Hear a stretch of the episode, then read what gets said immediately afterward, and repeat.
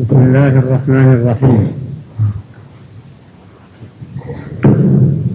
الحمد لله رب العالمين. والصلاة والسلام على نبينا محمد وعلى آله وصحبه أجمعين ومن تبعهم إلى يوم الدين. أما بعد فنشكر الله سبحانه وتعالى العلي العظيم الذي يسر لنا السبل فلم يكن ولله الحمد والمنة تجشما للأسفار ولكن نسأل الله التوفيق لما وسد من الاسفار ونسأله سبحانه وتعالى أن يسدد الخطى. وأن ينفعنا بما علمنا. وأن يوفقنا بالتعليم بما علمنا. وأن يهيئ لنا من أمرنا رشدا. ومن خير الأدعية وأنفعها ما جاء في الحديث ما جاء في الآية أول ويعلمكم الله ما لم تكونوا تعلمون. فنسأل الله أن يلهمنا الرشد والصواب. نسأله أن يلهم الجميع الرشد والصواب. ونسأله العلم النافع والرزق الواسع والعمل المتقبل. ونعوذ به من علم لا ينفع وقلب لا يخشع ونفس لا تشفع وعين لا تدمع. أيها الإخوة إن موضوع السحر وخطره ليس خفيا على عامة الناس عالمها وجاهلها. وإنما وإنما يقصد من الإخوة التنبيه على شدة حرمته تحريم الشرع له والتأكيد على خطره على خطره. وتأثيره على العقول والأبدان التي خلقها الله بعبادته والتوجه إليه وتعظيمه. فالعقل أكبر نعمة على هذه الإنسانية. بالعقل يتميز الإنسان عن الحيوان وبحسن التصريف والحركة يتميز عن الجمادات. ويوضح هذا ما يتمنى ما ذكره الله عن المخالفين والعاصين والكافرين إذا ألقوا في جهنم. إذا ألقوا فيها سمعوا لها شهيقا وهي تفور. ما ذكر الله عنهم من تمنيهم. هذا العقل في الدنيا الذي رزقوا إياه ولكن لم ينتفعوا به. ومن رزق شيئا ولم ينتفع به فكأنه لم يتحصل عليه. فلهذا ذكر الله أن الذين إذا ألقوا في جهنم سمعوا لها شهيقا وهي تفور تكاد تميز من الغيب كلما ألقى فيها إلى قوله إن أنتم إلا في ضلال كبير وقالوا لو كنا نسمع أو نعقل ما كنا في أصحاب السعيد فاعترفوا بذنبهم فسحقا لأصحاب السعيد وقالوا لو كنا نسمع أو نعقل فهل هؤلاء في الدنيا سم؟ ليس لهم سمع وهل هم جماد في الدنيا أو بهائم؟ لا. ليسوا جماد ولا بهائم ولا صم ولا عميان وإنما لما أن آذانهم لم تسمع الحق وقلوبهم لم تعقله أصبحوا كأنهم لم يسمعوا. وقالوا لو كنا نسمع أو نعقل. ما كنا في أصحاب السعير. فاعترفوا بذنبهم فسحقا لأصحاب السعير. فدل هذا على عظم نعمة هذه الحواس للإنسان. وعليها نعمة العقل. أما السمع والبصر والحركة فيشترك الإنسان مع البهائم فهي تسمع وتبصر. ولكن ما الفرق؟ الفرق بهذه العقلية. وحينما تفقد العقلية فقدوا حتى صفة البهيمية. فالبهائم تسمع وتعقل ما ينفعها. فلو أقبلت على خطر لامتنعت من الوقوع فيه. فعندها عقلية تنفعها. لكن ليست عندها العقلية التي هي في الإنسان التي جعلها الله في الإنسان لأنه أهلا للتكليف لأنه أهل للتكليف ومحل للتكليف ومحل للخطاب. فلهذا كلما ذكر الله من حكم كوني أو قدري أو شرعي قال إن في ذلك لآيات لقوم يعقلون أي يفهمون معناه ويعملون به. ومن سمعه من قبل أن يعقل معناه فكأنه لم يسمعه.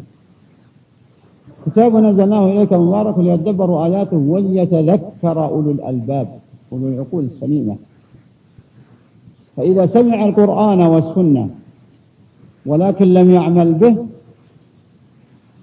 فوجود, فوجود سمعه كعدمه. فإن تذكر معناه وعمل فإنه من أهل العقول. إذا عرفنا هذه المقدمة البسيط المختصرة التي هي في الحقيقة تحتاج إلى ما هو أطول. هل نقرنها بالسحر وخطره؟ فالسحر يعرفه العلماء ما خفي ولطف سببه. خفي. السحر خفي. ولماذا سمي سحر؟ ليش سمي سحر؟ لأنه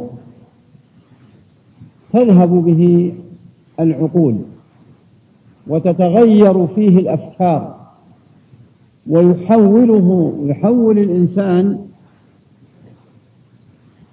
من حالة الإنسانية إلى حالة البهيمية أو البهيمة أفضل. أو البهيمة أفضل.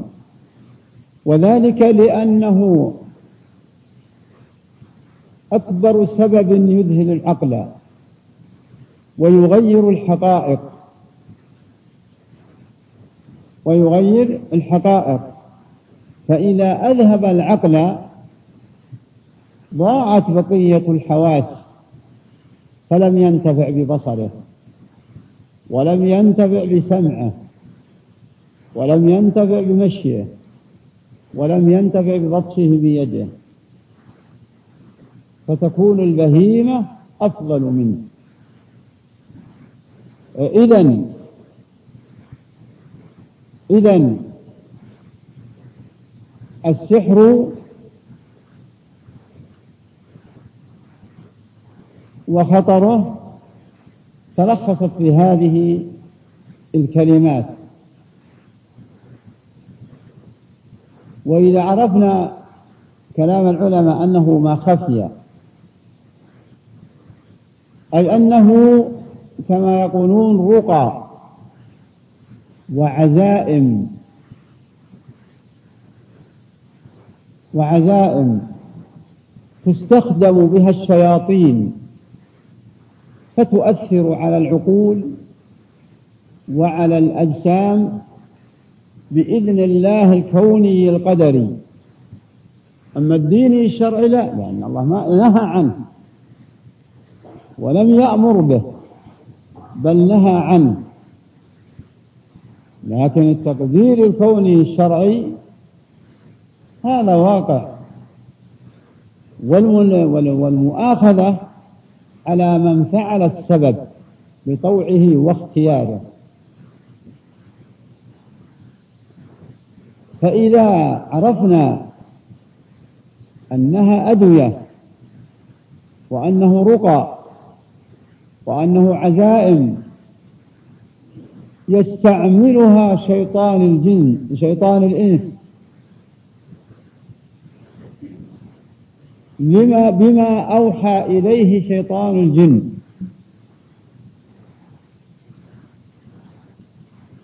وبما اعتقده من إرادة الشر وتحويل المسحور من عقل من عقلية إنسان إلى عقلية بهيمة ضائعة. حتى ليست البهيمة التي على فطرتها. ولربما حولته حولت الإنسان إلى مستوى الجمادات. ولربما حولته إلى مستوى المجانين الذي يوقف بالجن فإنه يغشى على العقل. أما حقيقة السحر فهذا لا أستطيع أنا أن أصفه. لأني ولله الحمد لم أتعلم طرقه وأسأل الله العفو والعافية منه. ومن السحرة من السحر ومن السحرة. وأعوذ بكلمات الله التامة علي وعلى جميع المسلمين من السحر والسحرة. ولكن في هذه الجلسة نتذاكر عدة أمور. أولا هل للسحر حقيقة؟ وثانيا هل له أسباب تزيله؟ وثالثا هل له أخطار وضرر؟ وهناك أمور أخرى. فالسحر له حقيقة. بنص القرآن والسنة. أما القرآن فمنه قوله تعالى آمرا نبيه محمد عليه الصلاة والسلام وأمره لنبيه أمر لأمته. أمة الإجابة أي المستجيبين للرسول. لقوله تعالى قل أعوذ برب الفلق من شر ما خلق ومن شر غاسق إذا وقب ومن شر النفاثات في العقد. فسر النفاذات هنا بالساحرات. ولا يمنع أن يكون الساحر رجل. يكون الساحر ذكرا. لكن كأن صدوره من الساحرات أكثر. وإلا فقوله تعالى من شر النفاثات ليس معنى خاص أن السحر لا يؤثر إلا إذا كان من النساء أو لا يوجد إلا بالنساء بل قد يوجد في الرجال لأن لبيد بن الأعصم سحر النبي صلى الله عليه وسلم. ولكن لم يؤثر سحره على فكر الرسول وعقليته ولله الحمد. وإنما هو تأثر بدنه. تأثر بدنه. حتى نزلت الرقية له من السماء ودل على سحر لبيد بن الأعصم بواسطة الوحي فأحرقه. فرفع الله عما حصل على الرسول عليه الصلاة والسلام من تأثير في بدنه. أما عقليته وعلمه والوحي لم يتأثر ولله الحمد. فكل هذا يدل على أن له أثر سيء وفيه تعدي على المسحور. وفيه أن الساحر لا يؤثر ولا يصل إلى تأثير السحر إلا وقد كفر. الساحر كافر خارج من الملة. ولهذا ذكر العلماء أنه من الثلاثة الذين يقتلون بكل حال حتى ولو أعلن توبته. عند كثير من العلماء. لو أعلن الساحر توبته فحكمه القتل. لماذا؟ قالوا لأن ما كفر به خفي. وإذا أعلن توبته لا ندري عن هذا الخفي هل هو تاب عن صحيح أو غير صحيح. أما لو كفر بترك الصلاة أو الصيام أو الحج فإنها تعلم توبته بفعل ما ترك من العبادات. لو كفر بجحد وجوب الزكاة لعلمت توبته أيضا ببذل الزكاة. لكن لما كان السحر كما قال العلماء ما خفي ولطف سببه خفي. لا تعلم توبته من عدمها. لذا قالوا يقتل بكل حال لتستريح البرية منه. إذا لا يستخدم السحر إلا وقد كفر. وأشر ما يؤثر على الناس السحر أكثر من تأثير القتل بالسيف والبندقية والدعس بالسيارة. لأن القتل الصريح الواضح يقع على ناس إنسان معين ويقع ظاهرا.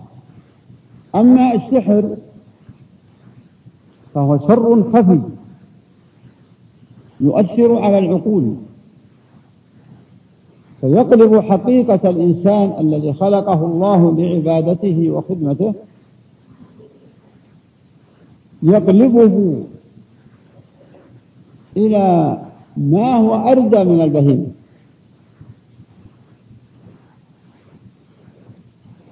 فالسحر شر وخطر عظيم. وركزت على الخطر الذي يحصل على العقول. لأنه إذا ضاع العقل من الإنسان فتوقع كل بلاء منه. وأشر البلايا أن يضيع عن حقوق خالقه ويضيعها. فلا يعرف ربه ولا يعرف لماذا خلق له ولا ولا يعرف ماذا يقدم عليه بعد موته وما يعرف حقا لصغير أو كبير ولا يستطيع أن يقوم المسحور بحق لمن عليه حق سواء لله أو للمخلوق كحق زوجته أو والديه أو غيره. فيبقى نسأل الله السلام والعفو والعافية ضائع في المجتمع. وفي النهاية أنه قتل نفسه قتلة عاجلة في الدنيا إن كان قصد هو. وإن كان لم يقصد ولم يطلب من الساحر أن يسحره فقد قتله هذا الساحر. وأشد القتل ما يحصل من السحر من ضياع العقلية وجعل الإنسان لا إنسان لا بهيمة لا جماد. نسأل الله السلامة. هذا شيء من بيان أخطاره وأما حكم الساحر بالكفر هذا نص القرآن. قال تعالى واتبعوا ما تتلو الشياطين على ملك سليمان وما كفر سليمان ولكن الشياطين كفروا. يعلمون الناس السحر.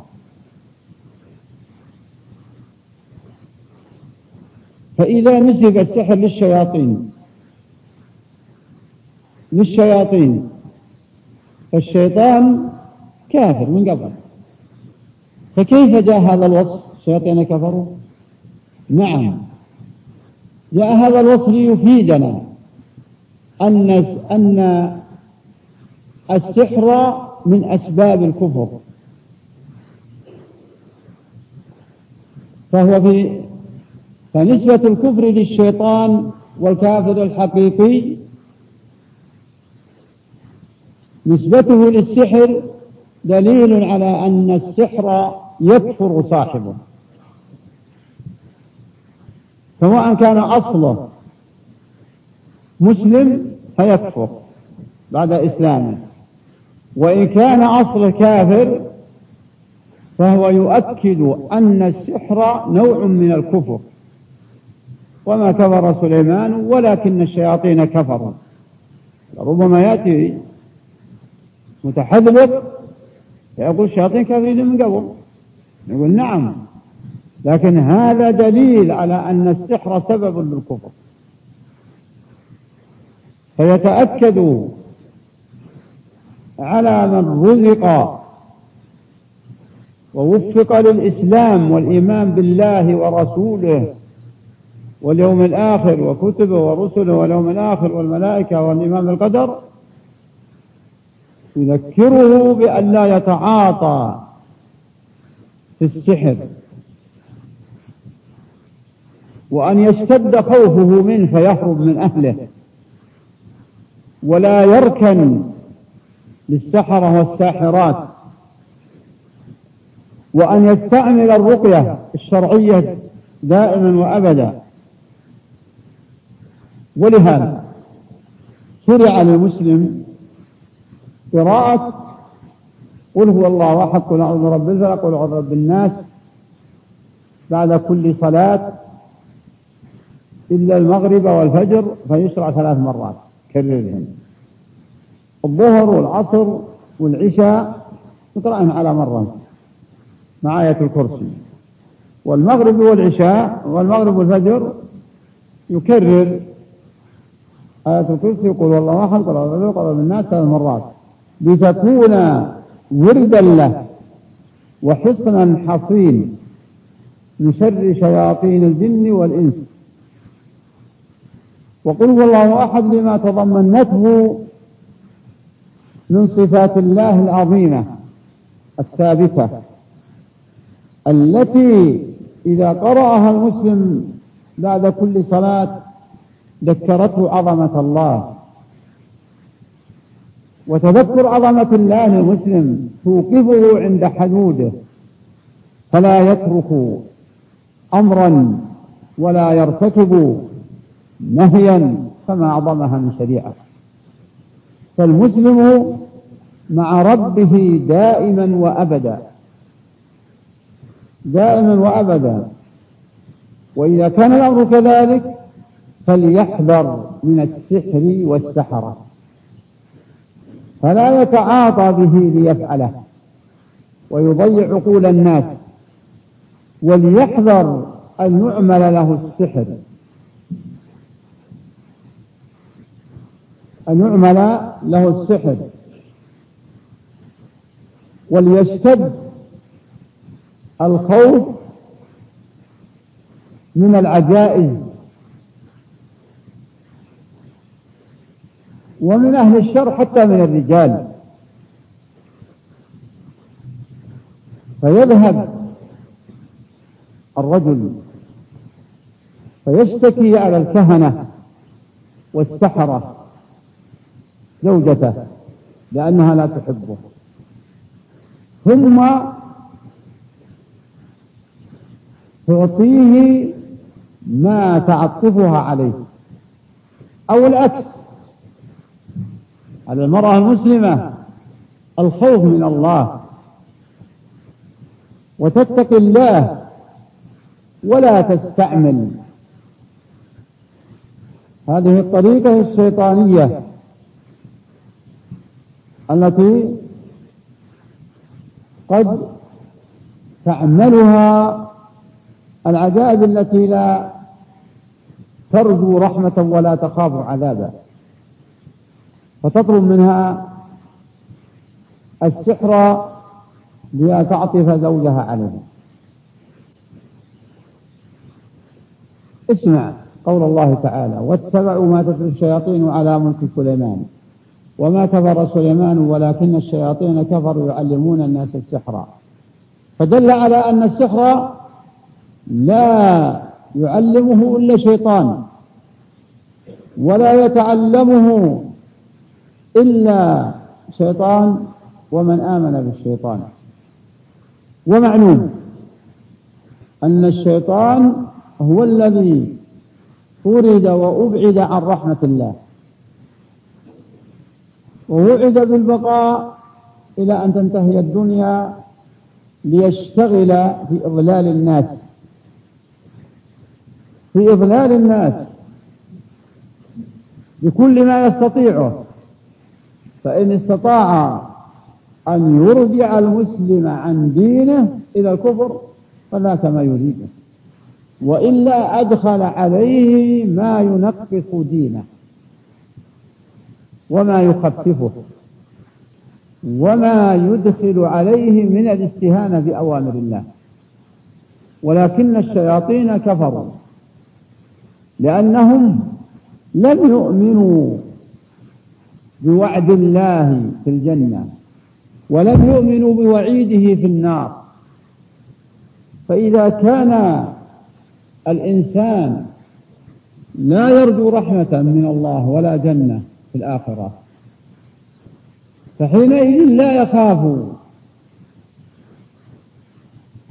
عقوبة في الدنيا معجلة ولا يخاف عقوبة مؤخرة في النار لأنه ما آمن فقد تصديقه بالجنة والنار فلم يبالي. وحينئذ يكون الشيطان علمه هذه الأمور. والشيطان قد عرف أنه مطرود ومبعد عن رحمة الله. طريد وبعيد عن رحمة الله.